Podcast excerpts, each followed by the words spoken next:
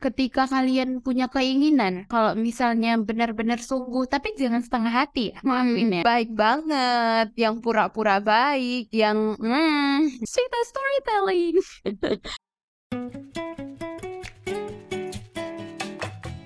Malam ini kalian mau jalan ke mana sih? Hmm, aduh, jangan lama-lama mikir deh. Mending ngedate bareng kita di Zil Podcast Suara Muda Masa Kini.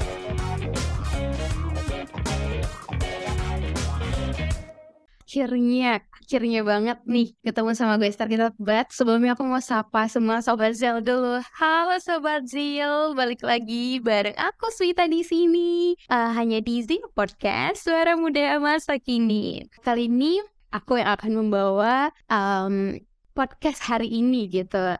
Tapi aku nggak sendirian. Tetap ada gue Star kali ini. Dan gue Star ya ini jauh banget datanya. Beda pulau ya. Oke. Okay. oke okay, mari kita saya dari sini Pria oke. Okay. halo guys.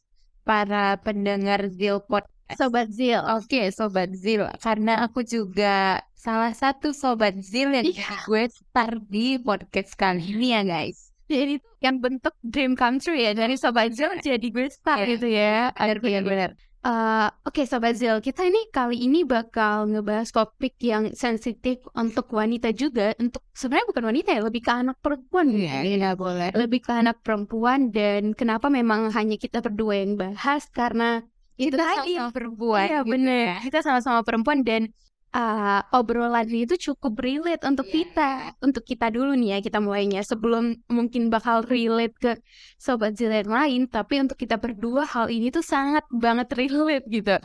Kita bakal ngebahas gimana struggle-nya hmm. anak-anak perempuan yeah. untuk bisa berani, yeah. untuk bisa bebas, ya, untuk bisa mandiri independen tadi. Sudah kita mundur dulu nih, kita mundur ya. Pas waktu SMA nih, gimana awalnya tuh kamu nih memutuskan untuk berpikir, oke okay, kayaknya aku sebagai anak perempuan mm -hmm. ini tuh harus bisa berani, mm -hmm. harus bisa ngambil keputusan, harus berani untuk bebas gitu loh. Ngerti gak sih? Harus harus aku tuh perempuan bukan berarti karena perempuan aku harus terkurung di dalam rumah ini. Ngerti gak sih? Sejak kapan Jadi, mulai berpikir kayak gitu? Okay. Aku di sini mau cerita dikit mungkin ya tentang passionnya aku. Oke. Okay.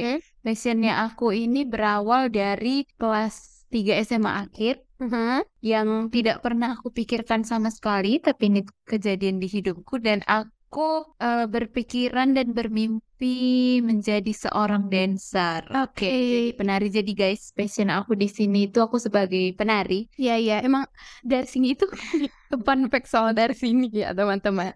Dari sini tuh benci soal namanya teori. Dari kami duduk di SMA bareng kita tuh satu SMA bareng ya, FYI teman-teman. Kita tuh satu SMA bareng dan dari dulu dia tuh nggak suka pelajaran. Selalu aja ada alasan dia untuk keluar izinnya lomba nari lah, lomba inilah, lomba itulah. Pada awal aku memutuskan aku ingin meneruskan passion aku di situ tuh agak dilema tuh ya, karena aku di sini mikir pekerjaan jadi seorang dancer itu itu di kalangan orang tua, di lingkungan orang tua ataupun orang-orang yang mungkin dapetin kerjaan yang gajinya yang udah mentok nih, udah ada per bulan tuh pasti mereka nganggap sepele apaan sih Dana? Iya, masih stereotip banget ya. ya.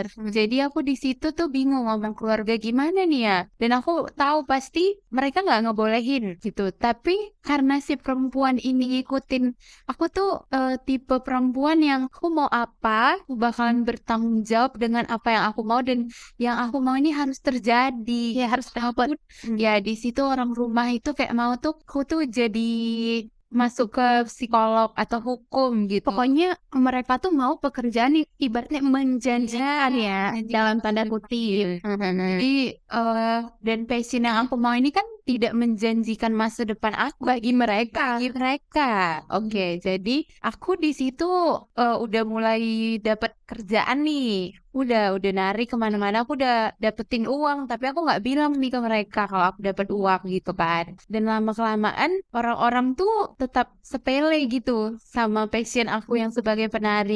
Dan pada sampai akhirnya aku sebenarnya bukan melawan sih, tapi aku lebih ke eh apa ini loh, aku tuh maunya ini dan aku bakalan gini gini gini gini. Aku jelasin lah ke mereka. eh mereka kan awalnya kamu mau jadi apa? Emang kamu dapetin uang berapa dari situ? Di situ aku sedikit menjelaskan ya ke mereka.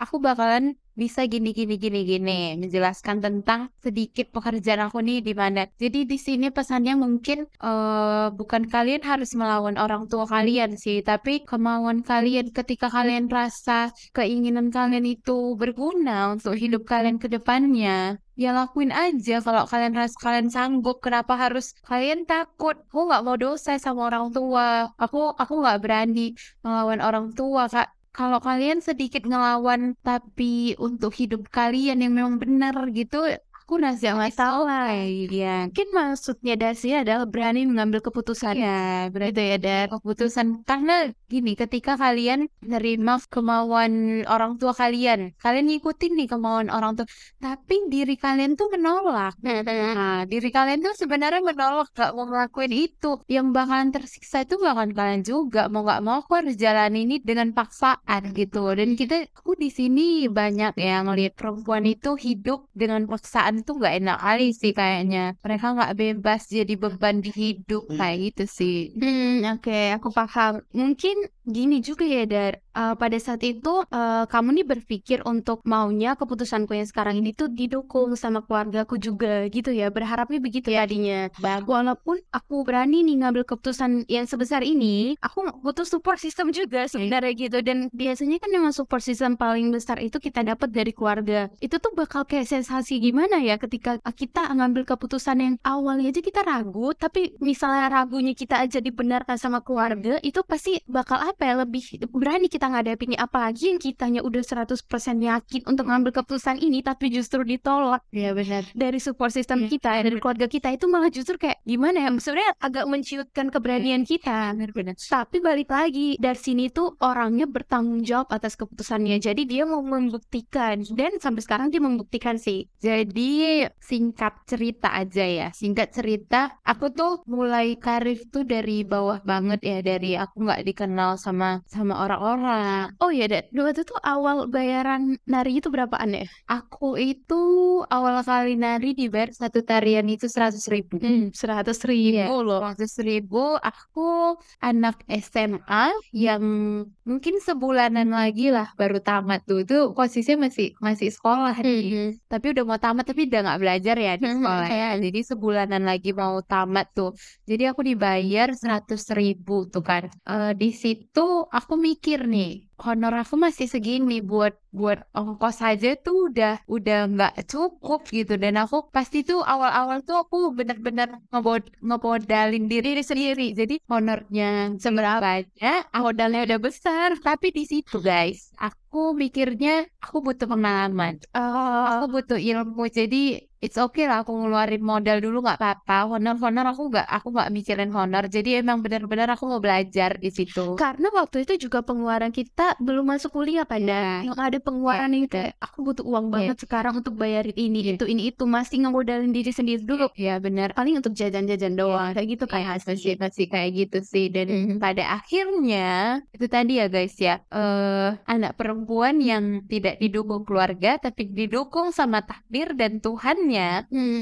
luluslah aku jalur undangan SNMPTN Yeay. dan di dan emang aku memang bener-bener kekeh aku pengen ke situ. Aku ngambil seni tari Unimed. Dan aku cuma naruh tuh satu pilihan doang. Memang bener-bener mau nembaknya itu ke situ. Harus mau nggak mau aku harus masuk dari ke situ. Mm. terus tetap masuk. Jadi cuma satu pilihan seni tari di Unimed gitu. Dan syukurnya memang lulus. Dapat rezekinya lulus sih. Eh gimana ya ketika kalian punya keinginan kalau misalnya benar-benar sungguh tapi jangan setengah hati ya maafin ya. Kalau benar-benar aku mau ke itu pasti ada aja jalan Ya. yang ngebantu.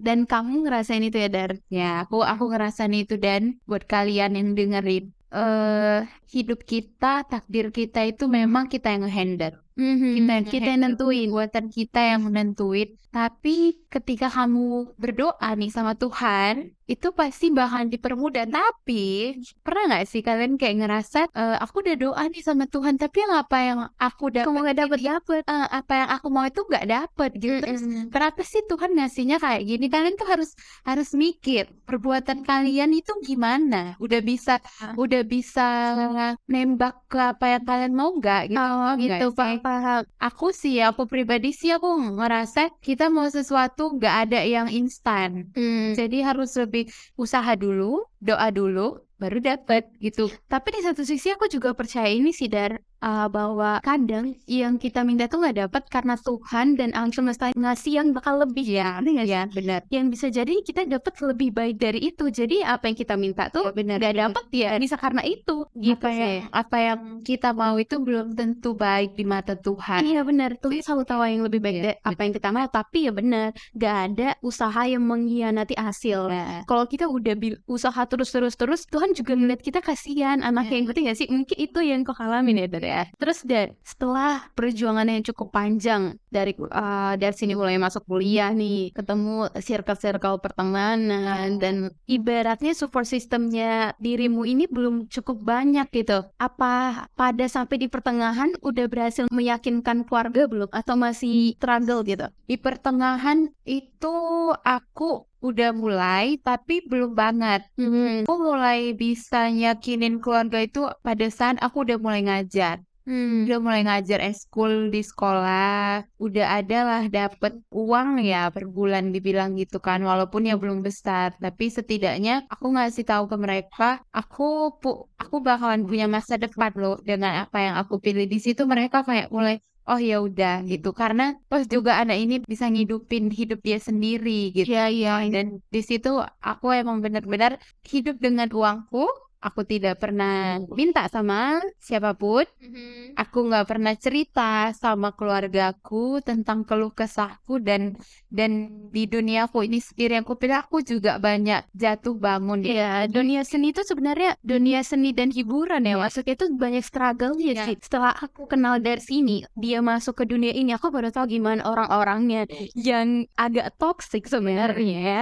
Gimana orang-orangnya, gimana kehidupan perkuliahan di sana, gimana apa ya kayak nggak boleh ada yang menang saling Iya. mengalahkan satu sama lain ya sih. benar benar Itu tuh jatuh berat sih sebenarnya. Ditambah dirimu tuh sebenarnya gak ada yang percaya gak ada support system aku harus bilang ini sih dari mumpung kita lagi ngebahas ini buat podcast ini. tentang friendship ya. Iya tentang Oke, prinsip kita ya. kenapa aku nih aku tuh selalu berusaha memilih teman-teman. Teman kita tuh tergambar bagaimana diri kita juga gitu. Dan aku suka berteman dengan perempuan-perempuan. Maksudnya aku senang berteman dengan orang-orang yang mandiri berani gitu. Dan dari sini itu tuh orangnya kayak gitu. Eh, sobat Zil dari sini tuh apa ya? Berani gitu. Gak pernah cengeng ibarat jarang banget ngeliat dia nangis gitu. Selalu tegar kuat itu strong banget. Karena kadang aku pernah waktu di Bali aja misalnya aku telepon dia nangis nangis dia kayak apa sih sweet? Ngapain nangisin yang kayak gitu? Sebenarnya satu sisi aku merasa kok dia menyepelekan tapi satu sisi aku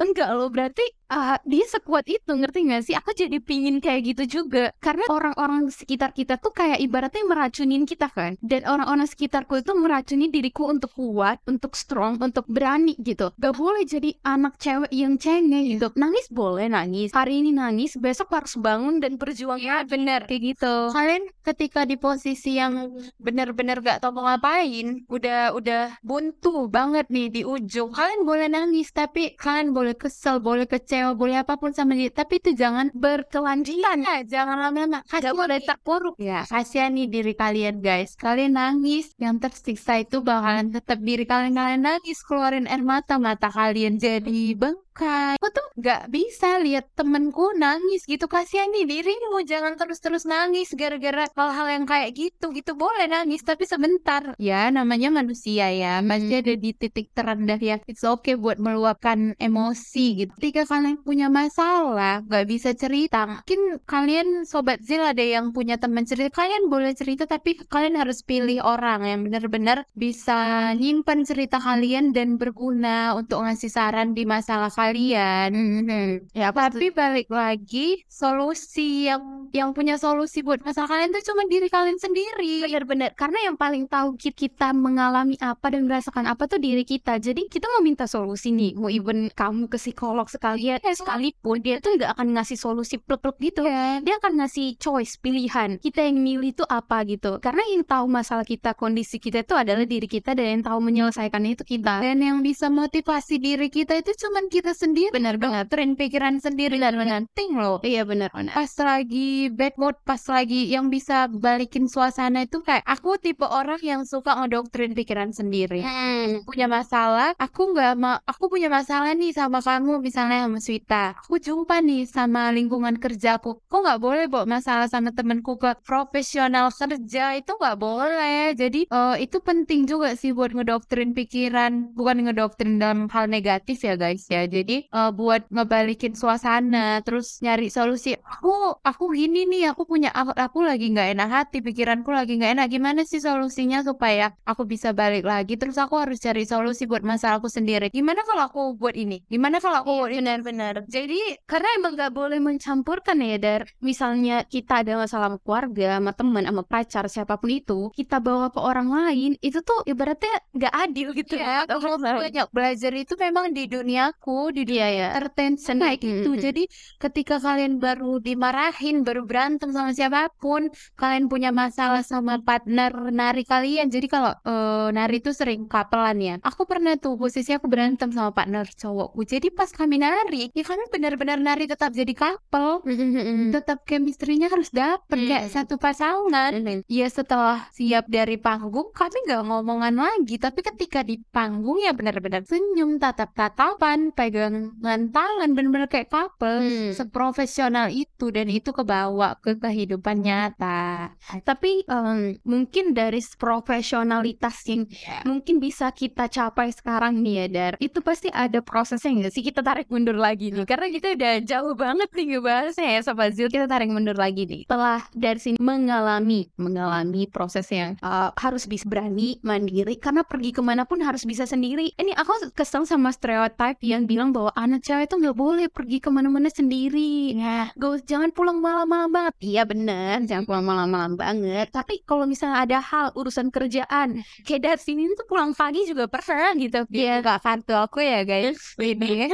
pulang pagi juga pernah dan ya itu bentuk profesionalitas kita harus berani gitu. Ya dan kita juga harus bisa menjaga diri kan. Satu lagi, yang paling gak enak eh, di posisi perempuan yang kayak gitu tuh omongan orang ya. Ah, kan? Itu yang pentingnya adalah untuk bodo amat juga. Semua hal ini tuh disatuin hingga kita bisa paham apa sih profesionalitas itu.